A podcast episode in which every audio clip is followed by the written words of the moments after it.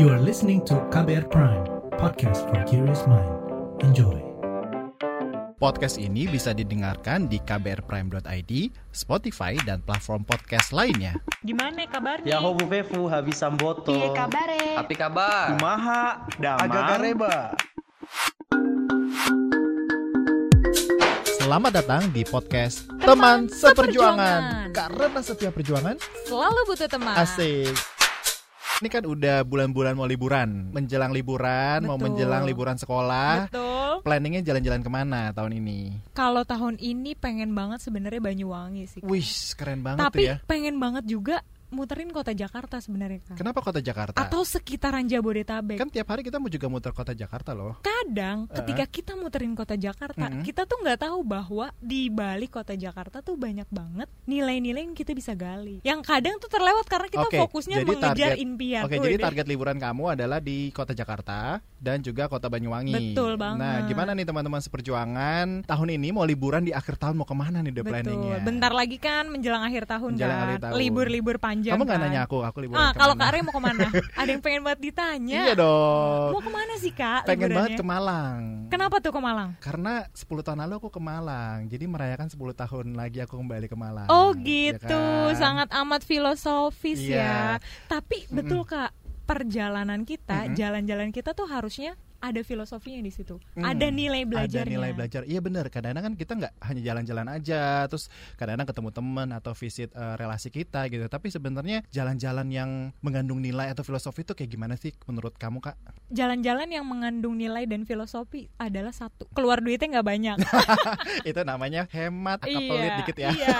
Terus kedua, ketika kita jalan-jalan, kita nggak cuma fokus foto-foto buat konten Hmm. di sosial media kita, tapi, Tapi kita kan konten sosial media penting dong. Iya penting. Tapi kan artinya bukan cuma cari mana nih yang Instagramable, mana yang Hmm. sosial media banget, tapi yang benar-benar kita bisa dapetin pelajaran ilmunya di Seperti situ. apa tuh contohnya? Contohnya misalkan sederhana deh kak, kalau kita jalan-jalan ke eh, Blok M gitu kan, Mm-mm. Atau jalan-jalan ke Malang ya tadi kak Rey, Mm. kita cari tahu nih, oh di Malang tuh ada sejarah ini, yang Hmm. membuat akhirnya itu menciptakan nilai-nilai yang ada di masyarakat Malang. Oh, filosofinya keren juga sih. Aku Makanya. belum pernah kepikiran sih. Nah, belum, pernah kepikiran, belum pernah kepikiran jalan-jalan yang filosofis gitu kan. Aku mau jalan tuh foto-foto keren, pokoknya ada di tempat itu. Iya. Terus makanannya enak, udah Benar, sih selesai. Terus kayak filosofis belum pernah kepikiran jalan-jalan yang mengandung nilai-nilai gitu. Kalau gitu pas banget. Kenapa nih? Aku Kenapa? nih? pengen kenalin ke Kak Rey Heeh. ada sebuah komunitas yang ngajakin kita jalan-jalan, Mm-mm. tapi juga kita juga jadi belajar di situ. Komunitas yang jalan-jalan sambil belajar. Iya, biasanya kan komunitas nanjak bareng Ah. gitu kan. Ini komunitas tapi sambil belajar. Penasaran banget. Kalau gitu langsung deh kita panggilin nih. Kayak narasumber ada ya tamu yang malam ya ini kan? datang mau ngobrolin tentang perjalanan yang penuh filosofis Sangat ya, amat betul. ceritanya. Halo. Halo, Kak Ray dan Kak Sela. Hai. Siapakah tamu kita kali ini? Sebetulnya dibilang teman bukan teman, dibilang deket juga deket. Asik. Jadi filosofis, filosofis, Harus filosofis, harus gitu. Dari filosofis. awal udah filosofis Eh, eh, kan. aduh, oke oke. oke. Menunggu pantunnya Kak Sela sih sebetulnya. ya, jadi eh, saya Meiske, saya dari Kenali Nusantara yang ternyata adalah anaknya dari Yayasan Seribu Anak Bangsa Indonesia. Hmm. Alias kita tuh deket banget jadi sama-sama merauke begitu. Oke, eh, Kamiske dari Kenali Nusantara gitu. Iya. Nah, eh, Kamiske eh, apa namanya? Kenalin dong kayak kenali, kenalan, kenali Nusantara itu apa sih gitu. Oke, jadi Kenali Nusantara itu suatu usaha sosial untuk memperkenalkan konsep pariwisata berkelanjutan. Jadi kalau tadi eh, Kare dan Kasela bilang katanya jalan-jalan dengan filosofis gitu ya. Mhm. Nah, lebih eh, greng lagi Hmm. adalah pada saat kita jalan-jalan kita juga mempedulikan sesama manusia. Jadi dari unsur sosialnya dan juga nggak lupa bahwa pada saat kita jalan-jalan kita juga peduli sama lingkungannya. Dan pada keseluruhan itu kita memberikan kesejahteraan baik bagi manusianya maupun bagi lingkungannya. Kan kalau kita jalan-jalan nih masuk ke tempat wisata sebenarnya kan kita juga udah berkontribusi dong Mm-mm. eh, sama tempat wisata itu sebenarnya Karena gitu. bayar tiket masuk Bayar tiket gitu masuk, kan. iya, iya, iya. banget. sama pemandunya Iya, tambahin gitu ya. betul. Tapi maksudnya eh, memberikan memberdayakan si tempatnya atau lingkungan manusia sekitarnya itu seperti apa sih Kak konsepnya dari Kenali? Jadi contohnya em, kayak gini, kayak misalnya kita jalan-jalan, sering kali kan sekarang banyak banget tuh eh, yang nyari semurah-murahnya gitu. Hmm. Tapi ternyata kita sebetulnya perlu memikirkan lagi pada saat kita nyari yang semurah-murahnya, apakah dari komponen-komponen biaya itu itu benar-benar menyejahterakan orang yang kita datangi atau lingkungan yang kita datangi. Jangan-jangan ternyata kita jalan-jalan hanya untuk memuaskan ego kita sendiri, Waduh, gitu. berat nih. Kayaknya Jadi nggak mau jalan-jalan ya? jadi nggak bisa nawar yang murah. tapi menurutku kata kuncinya sebenarnya bukan murah, Mm-mm. tapi eh, affordable kali ya. Iya. Karena kadang-kadang kan kita diberikan beberapa pilihan dan saat ini tuh pilihan untuk berjalan-jalan sangat luas gitu. Kalau kita mau lebih kreatif sedikit, mau lebih repot sedikit gitu, itu eh, mungkin bisa dibilang ya jangan nyari yang murah, tapi nyari yang sesuai kesanggupan kita Hmm. gitu. Betul. Ya betul banget ya kadang-kadang kita kan suka tergiur tuh sama jalan-jalan murah gitu kan ya tapi ternyata bener juga tuh kalau menurut kenalnya harus dipikirin ya jangan murah pasti ada sesuatu yang dikurangkan gitu Iya, jangan-jangan pendapatan eh, teman-teman di daerah atau yang tempat yang kita kunjungin ya kak ya Menarik. wah jangan sampai seperti itu ya Jangan Egois sampai katanya. kita Egois. cuma cari murah-murahnya aja tanpa mikirin bagaimana keberlangsungan. betul kalau tadi Asik. kenali ngomongin Betul. keberlanjutannya ya gitu Iya. ya Nah, Kamiske sebenarnya kenali ini eh, PTK atau sekarang istilahnya social entrepreneur entrepreneurship kah atau komunitas kah sebenarnya kenali itu eh, apa sih kalau mau dikenal gitu ya? Eh, kita bentuknya nih kalau ngomongin hukumnya sih eh, sebagai badan hukum tuh PT Hmm. alias perseroan terbatas. Tapi kita bisa eh, apa ya mengenalkannya tuh sebagai suatu usaha sosial. Kenapa? Karena kita nggak cuma cari untung, tapi kita juga keuntungannya itu digunakan untuk support Sabang Merauke. Jadi eh, makanya itu tadi aku bilang nggak cuman sekedar ngeplot harga, cari uang, cari keuntungan, tapi sedapat mungkin profitnya itu juga bisa digunakan kembali untuk kebermanfaatan. Jadi penasaran ide Mm-mm. awalnya tuh gimana Kenapa Kak? ya gitu? Untuk Maksudnya kayak bikin kepikiran sebuah perusahaan yang ngomongin kayak keuntungannya tuh untuk orang lain deh gitu. Iya Kan betul jarang banget kan? jarang banget. Nah jadi ide awalnya kenapa akhirnya kemudian gagasnya konsep jalan-jalan gitu? Kenapa nggak konsep-konsep yang lain? Jadi yang pertama eh, dan bisa dibilang paling utama, kenapa muncul gagasan mendirikan satu usaha sosial ini? Karena awalnya susah cari duit buat Sabang Merauke pemirsa. Hmm, ya jadi sumbang, sumbang, sumbang. Tolong mana donatur? Mana kan lagu-lagu penuh kenangan. Neng neng neng neng neng. Jadi awalnya itu kenapa kita memutuskan bikin satu usaha sosial Hmm. karena kan kebetulan saya juga adalah salah satu co-founder dari Sabang Merauke Mm-mm. dan di awal-awal tuh kita merasakan gitu ya bahwa wah ini juga susah banget nih nyari donasi, kemudian juga tiket pesawat semakin mahal. Nah, kemudian kita berpikir apa ya cara yang menarik dan sustainable, nggak cuman sekali minta donor terus bye-bye atau kan belum tentu ya perusahaan itu terus-menerus setiap tahun memberikan donasi gitu. Mm-mm. Akhirnya ada kesempatan pertama yang terbuka adalah kita ikut lombanya Idea Fest. Mhm. Itu di tahun 2015.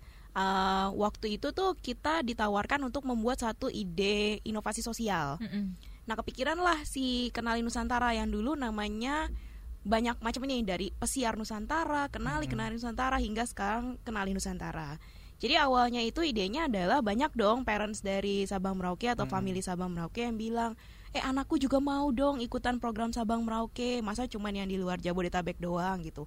Hmm, menarik juga. Hmm. Mari kita jadikan unsur bisnisnya gitu. Ada sebuah ide brilian gitu. Iya, Ah, iya, iya. ah. terus habis itu ya udah nih, oh kita coba deh gitu. Kita bikinin nih program live in eh, buat anak-anak Jakarta, buat anak-anak kota besar, tapi nginepnya di luar Jabodetabek. Gitu awalnya. awalnya gitu ya. Wow, jadi dari apa namanya kegelisahan juga eh, para family sama Merauke pengen juga ikut program, tapi mungkin umurnya belum cukup atau ke- Betul. umurnya udah kelewatan gitu. Atau Ya, karena dia dari Jakarta Atau ya, karena dari Kak? Jakarta, Mm, Jadi iya. nggak punya kesempatan untuk itu. Mm-mm. Nah dari cerita live ini itu kota mana sih kak yang kemudian pernah didatengin atau dijadikan eh, pilot project nih iya sama Kenali. dari Oh Kenali. gagal. Hmm. Jadi eh, ide awal itu gagal dan berkali-kali gagal. Hmm. Jadi kita nyoba ini kayak jatuh bangun ya masukkan Hmm. lagu Gatel, gatel. neng. Enggak, jadi pertama pas eh, nyoba ide itu kan kita berasanya kayak wow, ini ide yang sangat brilian gitu. Pasti akan diterima masyarakat gitu. Ternyata nggak ada yang beli gitu kan. Sedih. Kemudian akhirnya kita diskusi lagi nih, wah gimana ya kok kayaknya nggak masuk nih gitu. Akhirnya kita eh, melakukan perubahan ide beberapa kali sampai akhirnya kita berpikir nih, oh kayaknya isunya nih kalau misalnya eh, dengan anak-anak itu tuh agak sulit karena Hmm. pengambil keputusannya tuh ada dua. Yang pertama dari parentsnya dan Mm-mm. kedua dari anaknya. Lalu kemudian ada isu safety juga. Akhirnya coba deh kita bikin jalan-jalan aja di Jabodetabek nih di Jakarta area, nggak menginap, tapi kita masukkan unsur-unsur Sabang Merauke. Jadi tetap tuh ada nilai toleransi, pendidikan dan keindonesiaan, tapi dikemasnya dalam bentuk eh, apa? kayak leadership gitu. Hmm. Itu pertama kali kemudian akhirnya idenya dijalankan ya kak. Betul. By the way, aku salah satu uh, relawannya loh waktu itu loh Jadi kak. relawannya kenali ya. Iya pada saat di Jabodetabek. Jadi Uhuh. benar-benar merasakan memang anak-anak ini ya kak ya diajakin liburan sekolah, Mm-mm. diajakin untuk kenal sama uh, lingkungannya sendiri gitu Yes, di Jakarta yes, yes. itu sendiri. Jadi tertarik sama ceritanya kami kalau aku Kak Sela. Kayak eh, kan ngomongin sustainability gitu kan terus kayak mungkin teman-teman seperjuangan yang lagi denger ini lagi juga menca- mencoba bikin eh, sosial bisnis atau usaha gitu. Nah tadi pasti tanya gimana? Gagal? gitu kak. Kok bangga banget sih kak gagal? gitu kan. Kayak gagal betul. gitu kan. Biasanya orang tuh suka ny- ny- apa nyimpan kegagalannya gitu kan. Nah kenapa sih kak eh, gagal itu eh, bagaimana kita bisa terima kegagalan? Terus kayak kita terus kemudian maju lagi gitu siap untuk eh, berkontribusi lebih banyak lagi gitu. Kaitannya sama ide sosial ini ya kak. sama Oke. ide sosial. Eh, kenapa gagal bangga ya? Mungkin bisa dibilang karena em, kita tahu apa yang kita kerjain gitu. Hmm. Jadi karena pertama di Sabang Merauke kita percaya bahwa ya interaksi itu kan juga akan meruntuhkan persepsi gitu. Sebetulnya kenapa idenya itu jalan-jalan ya berangkat dari semangatnya Sabang Merauke. Pasti teman-teman kan kalau lagi jalan-jalan semua terasa indah dan terasa baik bukan? betul Betul. Gak ada orang jahat bukan? Nggak ada, Betul. karena lagi happy Betul, begitulah yang kita pingin gitu pada saat kita ikut program Kenali Nusantara, baik itu anak-anak maupun orang dewasa, itu akan merasa bahwa oh pada saat jalan-jalan saya akan berinteraksi dan pada saat interaksi itu biasanya meruntuhkan persepsi gitu. Nah, itu kan sesuatu yang menggerakkan gitu ya. Dan walaupun ada banyak kegagalan, ada yang nggak daftar, ada yang rugi, Mm-mm. itu kita tahu tujuannya adalah kita membuka ruang-ruang interaksi itu. Sehingga dari kegagalan itu kita ngelihatnya sih bukan sesuatu kayak dibanting pintu di depan muka tapi lebih kayak oke bagaimana kita bisa membuka ruang interaksi yang lebih dekat ke market karena dari sini kan ngomonginnya bisnis Iya, betul. gitu. Iya. Nah, kegiatannya dari Kenali Nusantara ini lagi ngerjain apa sih sekarang Sekarang- sekarang ini, nih gitu? Program-programnya. Kalau kenali Nusantara itu, jadi eh, kita kan em, basically akan menyediakan curated trips gitu ya. Jadi ada di dalam perjalanan itu pastinya kita akan berinteraksi dengan komunitas lokal Mm-mm. dan bekerja sama dengan komunitas lokal dan biasanya tuh tempat-tempatnya juga nggak yang sangat turistik banget gitu. Itu kalau yang di luar kota. Tapi kalau untuk program yang bisa dibilang gacoan masih ada nggak sih gacoan? Wih, malu, gacoan. Karena pasti tahu. Gacuan apa Gue sih? tahu kok kak Aku gacuan. nggak tahu loh. Kamu jangan pura-pura nggak tahu. aku tahu lah kak gacuan aku tahu. Apa tuh gacuan? Gacuan tuh kayak andalan. Andalan. Iya, iya, iya. Ya, jadi program andalan kita nih yang mau kita eh, tingkatkan lah ya tahun depan. Itu tuh kita bikin leadership trip tapi ke sekolah-sekolah. Jadi kita Hmm. pingin Sabang Merauke ini versinya Sabang Merauke untuk sekolah gitu. Karena kan pasti kalau kita lagi ketemu orang yang dengar tentang Sabang Merauke, kemudian di media gitu, mereka pada bilang, eh gimana sih bikin dong Sabang Merauke, tapi nggak mungkin nih tiga minggu kelamaan gitu. Nah jadi eh, dari Kenali Nusantara pengen banget ke sekolah-sekolah untuk mengemas program seperti Sabang Merauke, tapi kita menekankannya tuh ke 21st century skill. Hmm. Nah, di mana sebenarnya dalamnya itu adalah peace education, apa yang kita share ke adik-adik Sabang Merauke gitu. Yang kadang itu nggak bisa didapetin lewat pembelajaran Senin sampai Jumat di sekolah Bener ya banget, kak. Iya, bener betul banget. banget ya. Bisanya lewat kegiatan-kegiatan kayak gini nih yang sangat amat seru gitu. Seru banget. Mm-mm, Dan mm-mm. kayak Kenalit Nusantara tuh punya rencana apa sih ke depannya gitu supaya mungkin teman-teman seperjuangan bisa eh, oh ya follow Instagramnya di mana nih Di kami at sekarang? Kenali Nusantara. Kenali Nusantara jangan At lupa kenali Nusantara. Kenali Nusantara disambung semua huruf kecil, terus ada websitenya juga di kenalinusantara.id. Nah, itu bisa langsung join tuh Join teman-teman. langsung Cari ya. tahu informasinya. Tapi kan. sebenarnya selain juga tadi trip tadi, trip yang sudah disediakan kenali, bisa nggak sih teman-teman seperjuangan juga berkontribusi gitu sebagai narasumber atau mungkin di da- teman-teman di daerah kan KBR nih jaringannya luas banget ya sampai Wow, seluruh bisa Indonesia. banget. Itu Betul. kayak eh ternyata di daerahku belum dieksplor loh Iya, gitu. iya. Nah itu eh, gimana nih teman-teman yang mau follow bisa langsung Instagram DM atau misalnya kayak terlibat jadi volunteer atau apa sih kak ada nggak ruang-ruang itu untuk teman-teman seperjuangan Ada, jadi ada eh, mimpi besarnya dulu ya diceritain. Jadi mimpi besarnya Kenali Nusantara itu eh, kita tuh pengen banget jadi hub untuk teman-teman penggerak dan penikmat pariwisata, tapi yang peduli dengan pariwisata berkelanjutan. Hmm. Gitu. Jadi harapannya tuh nanti kita bisa jadi kayak suatu eh, apa ya penghubung lah bisa dibilang gitu. Nah, kalau teman-teman ingin berkontribusi, ada dua hal bisa offline dan bisa online. Yang pertama kalau online itu bisa ngirim cerita tulisan, cerita tentang daerahnya masing-masing, misalnya ada keunikan tersendiri atau ada kekhasan sendiri atau berminat untuk menjadi kontributor tulisan di Kenali Nusantara itu silakan boleh DM aja di @kenali_nusantara. Nah, kemudian kalau eh, offline, kalau teman-teman selama ini mungkin pernah dengar nih boleh sebut merek nggak sih? Boleh. Boleh ya. Kayak Airbnb Experience. Nah, itu tuh kenali pengen banget ada teman-teman dari seluruh Indonesia yang bangga jadi host di tanah air sendiri. Nah, sesederhana kayak yang Kak Sela bilang gitu. Jadi host untuk keliling di kota tua. Itu kan kalau kita punya skillnya, kita punya ceritanya, itu akan sangat menarik gitu. Jadi teman-teman bisa banget kalau misalnya mau em, Berkontribusi. berkontribusi gitu, membuat satu walking tour kah? Jadi nggak harus yang muluk-muluk membuat kayak tujuh hari tujuh malam pagelaran wayang Iya, apa betul, gitu yang ya. sederhana aja yang gitu sederhana ya. sederhana gitu Yang bisa. simple-simple ya, Nah, Kak. Eh, ini bisa juga nih teman seperjuangan yang dengerin di KBR Prime. Ya. Siapa tahu ada potensi-potensi daerah yang ternyata juga bisa dikembangin minimal bentuk tulisan Betul. gitu yang bisa di-share sama eh, Kenalin Nusantara atau mungkin suatu hari bisa teman-teman Kenalin Nusantara akan bisa bawa banget kolaborasi program ke sana gitu kan. iya boleh email atau DM atau kontak-kontak yang lainnya Nah, tuh teman-teman jadi teman-teman bisa gabung secara online lewat cerita-cerita yang disampaikan atau bisa juga secara offline. Seru banget Kak, ibaratnya nih Ya. kita tinggal di suatu daerah, orang lokal asli yang kadang membuat kita tuh jadi ih minder nih apa sih kekayaan daerah kita gitu kan. Mm-mm. Terus tiba-tiba ada ide, ada komunitas yang justru mewadahi itu.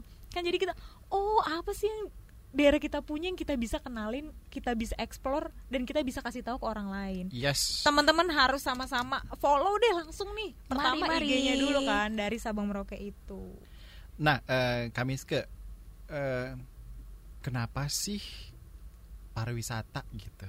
Ada concern apa sih sebenarnya kenalin Nusantara misalnya dengan pariwisata gitu? Kayak kalau misalnya kalau di isunya toleransi kan, oh ya angka intoleransi kita eh, Iya. terutama di kalangan pelajar terus meningkat gitu. Jadi urgensinya kita gitu. Nah, kenapa pariwisata juga menurut Kenali juga jadi urgensi yang sama-sama yuk kita benahi karena harusnya ada sustainable-nya gitu, ada kelanjutan dari eh, kehidupan di sekitar eh, tempat eh, wisata kita gitu. Eh, kenapa pariwisata sebetulnya berangkat lebih dari eh, interaksinya antar manusia Hmm. dan betapa kayanya budaya Indonesia sih. Jadi em, apa ya paling paling menarik gitu ya. Memang sih sebetulnya ada kayak visibility tadinya dan angkanya gitu ya. Tapi kalau yang buat aku pribadi kenapa pariwisata pertama semua orang mostly ya kayaknya senang jalan-jalan gitu. Dan yang kedua bagaimana kita bisa membuat jalan-jalan itu jangan sampai jadi malah banyakkan mudaratnya gitu, Mhm. tapi bisa kita kemas menjadi satu alat untuk kita menyebarkan perdamaian juga gitu. Oke, apakah juga jalan-jalannya eh, juga ngomongin isu tentang sampah gitu ya, Iya. isu tentang Hmm, plastik, hmm, hmm. penggunaan plastik nggak sih kalau dalam program-programnya kenali kan karena kan ya tadi kalau kita jalan-jalan kadang-kadang kita berinisiatif nyampah ya berinisiatif. Iya. Soalnya kan kita bawa makanan sama iya, snack iya. gitu loh. Jadi kita Dan- pasti udah punya tujuan kan akhirnya buang sampahnya di sekitar itu. Nah, sebenarnya kenali juga eh, ngomongin itu nggak sih isunya di dalam programnya kenali? Eh, mungkin ngomongin bukan dalam arti kayak ngeguruin atau gimana, tapi karena eh, kalau teman-teman tahu triple bottom line, nah itu kan ada bottom line yang people, planet dan prosperity gitu. Mhm. Nah, planet itu adalah sal- salah satu elemen yang selalu kita gaung-gaungkan baik dari narasumbernya maupun dari cara kita berjalan-jalan. Mhm. Jadi kadang-kadang tuh bukan kadang-kadang sih kita juga memberikan konten bagaimana untuk menjadi pejalan yang lebih bijaksana atau lebih bertanggung jawab. Jadi ada tips-tips singkat atau tips-tips yang aplikatif misalnya ya sesederhana kita bawa tumbler deh kalau lagi jalan-jalan Yes, sehingga yes, nggak yes, sedikit-sedikit beli eh, Air botol mineral. kemasan Iya, gitu betul. atau misalnya kalau lagi jalan-jalan usahakan tuh kita selalu belanjanya itu adalah di pedagang lokal. Jadi jangan balik Betul. lagi balik lagi ke toko-toko Minimarket. minimarket Hmm. bukan minimarket sih mungkin kayak perusahaan-perusahaan yang lebih besar Iya gitu. betul betul Tapi banget sedapat mungkin benar-benar yang kita ke eh, apa pedagang lokalnya gitu. Terus juga ada beberapa tips misalnya khususnya nih cewek-cewek nih skincare dan toiletries gitu. Hmm. Coba dicek deh teman-teman kalau skincare dan toiletries kita tuh dampaknya apa ke lingkungan Ada dari dampaknya kak. ada dampaknya, Oh. Bo, gitu. Ya Untung aku ampun, nggak pakai selama skincare. ini Karena aku nggak pakai skincare aku kak. kira dampaknya tuh hanya untuk wajahku aja Ternyata yang nggak berubah-berubah juga Ternyata ada dampaknya juga untuk bagi lingkungan. lingkungan yang Iya. kadang kita nggak sadar ya Iya, kayak iya, betul. Itu juga aku baru-baru ini sadar juga sih. Jadi sama-sama belajar karena kayak misalnya kita nginep di hotel. Mhm. Hotel dari hotel yang eh, ya hotel gitu-gitu aja sampai hotel yang bagus-bagus bener, itu kan pasti ada kemasan-kemasan yang sekali pakai. Oh, yang maksud hati iya. kalau emak-emak tuh suka bawa pulang tapi Mm-mm. berakhir jadi sampah Iya. gitu. Padahal sebenarnya kita bisa ngurangin sebagai eh, pejalan gitu ya. Ya bawa misalnya soap bar dengan kemasan yang bisa dipakai ulang lagi. Hmm. Sesimpel-simpel kayak gitu sih. Iya iya bener-bener nggak dipikirin ya sama kita ya Kayak kadang-kadang kan kita kayak uh sikat giginya lah apanya Iya, lah kita gitu. pikirin karena dia Gitu. lucu aja kan Iya. ya Jangan gratis ya. buat kita ya kita bawa pulang ya Iya, kan kamu sih anak gratisan ya namanya anak backpackeran Nah, gratis-gratis seru ambil banget ya tips-tipsnya dari Kamiske Bagaimana kita juga eh, selain tadi jalan-jalan kita juga bisa menghargai lingkungan di sekitar dan juga memberikan kontribusi kita untuk lingkungan eh, di mana kita berwisata gitu. Nah Kamiske ada nggak pesan damai nih? pesan damainya mau ngomong tagline kan tapi narsis gitu ya.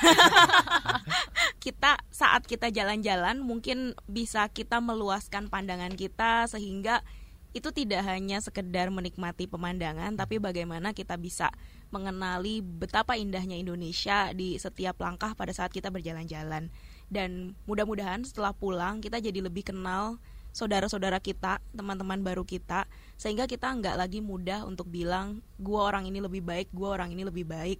Tapi ya ini Indonesia kita gitu. Kita semua tuh orang baik. Super. Merinding loh kak Merinding ya dengernya. ya. Iya. Kayak aku bilang kayak nggak pernah kebayang jalan-jalan juga punya makna tadi tuh baik lagi tuh ke filosofi kayak jalan-jalan tuh gak hanya sekedar kita foto-foto sebagai konten sosial media tapi juga bermakna dan bisa memberikan dampak berlanjutan. Ya, jadi teman seperjuangan di mana pun yang juga sama-sama lagi bergerak nih eh, Mhm. menciptakan ide-ide untuk mungkin membuat jangkauan komunitasnya semakin berkembang, kita bisa belajar banget nih dari Kenali Nusantara. kenali Terima Nusantara. kasih. Terima kasih Kamiske ngobrol-ngobrolnya di episode kali ini. Sebelum Kak Meska pulang, Mhm. kita mau kasih hadiah. Oh iya iya iya. iya. Ini Lupa ini- pantun. Oh udah dapat ya? Akhirnya aku pikirin juga ini Oke, pantunnya. ya. gimana nih pantunnya Kak Sela? Oh sebelum sebelumnya ini tips mungkin bagi yang eh, merasa pas jalan-jalan tuh boring gitu ya. Teman seperjuangan pada saat kita jalan-jalan mungkin kita ketemu teman kolaborasi. Jadi ya mungkin sebelahan kita di bus, di pesawat atau Di mungkin kereta. ketemu teman sehidup, Oh. semati. Itu lah yang Masuk. selama ini dinantikan. Tujuan kamu ya, goal Mantap. kamu kalau mau jalan-jalan eh, ya. Kalau jalan-jalan, wah sepik-sepiknya baca buku. ya kan? Wadaw. Kasih dah nih pantun ya. Oke, Kasih. kasih, kasih, kasih, kasih. Cakep. Oh, belum. Cuaca mendung makan soto Banjar. Cakep. Besoknya jalan-jalan ke Kalimantan Utara. Cakep. Wah, mau jadi ibu kota. OTW, OTW. OTW. Kalau kamu bingung gimana caranya jalan-jalan sambil belajar, langsung aja join di Kenali, Kenali Nusantara. Nusantara. Wow, Yeay. terima kasih. Terima kasih Kak Miske. Terima kasih. Terima kasih Kenali. Podcast ini merupakan hasil kolaborasi antara Sabang Merauke dengan KBR Prime. Dan untuk kamu yang punya cerita unik soal toleransi, kirim aja yuk ke email kami di podcast at. Nah, teman-teman juga jangan lupa nih follow Instagramnya Sabang Merauke di @sabangmerauke dan Instagramnya KBR Prime di @kbr.prime.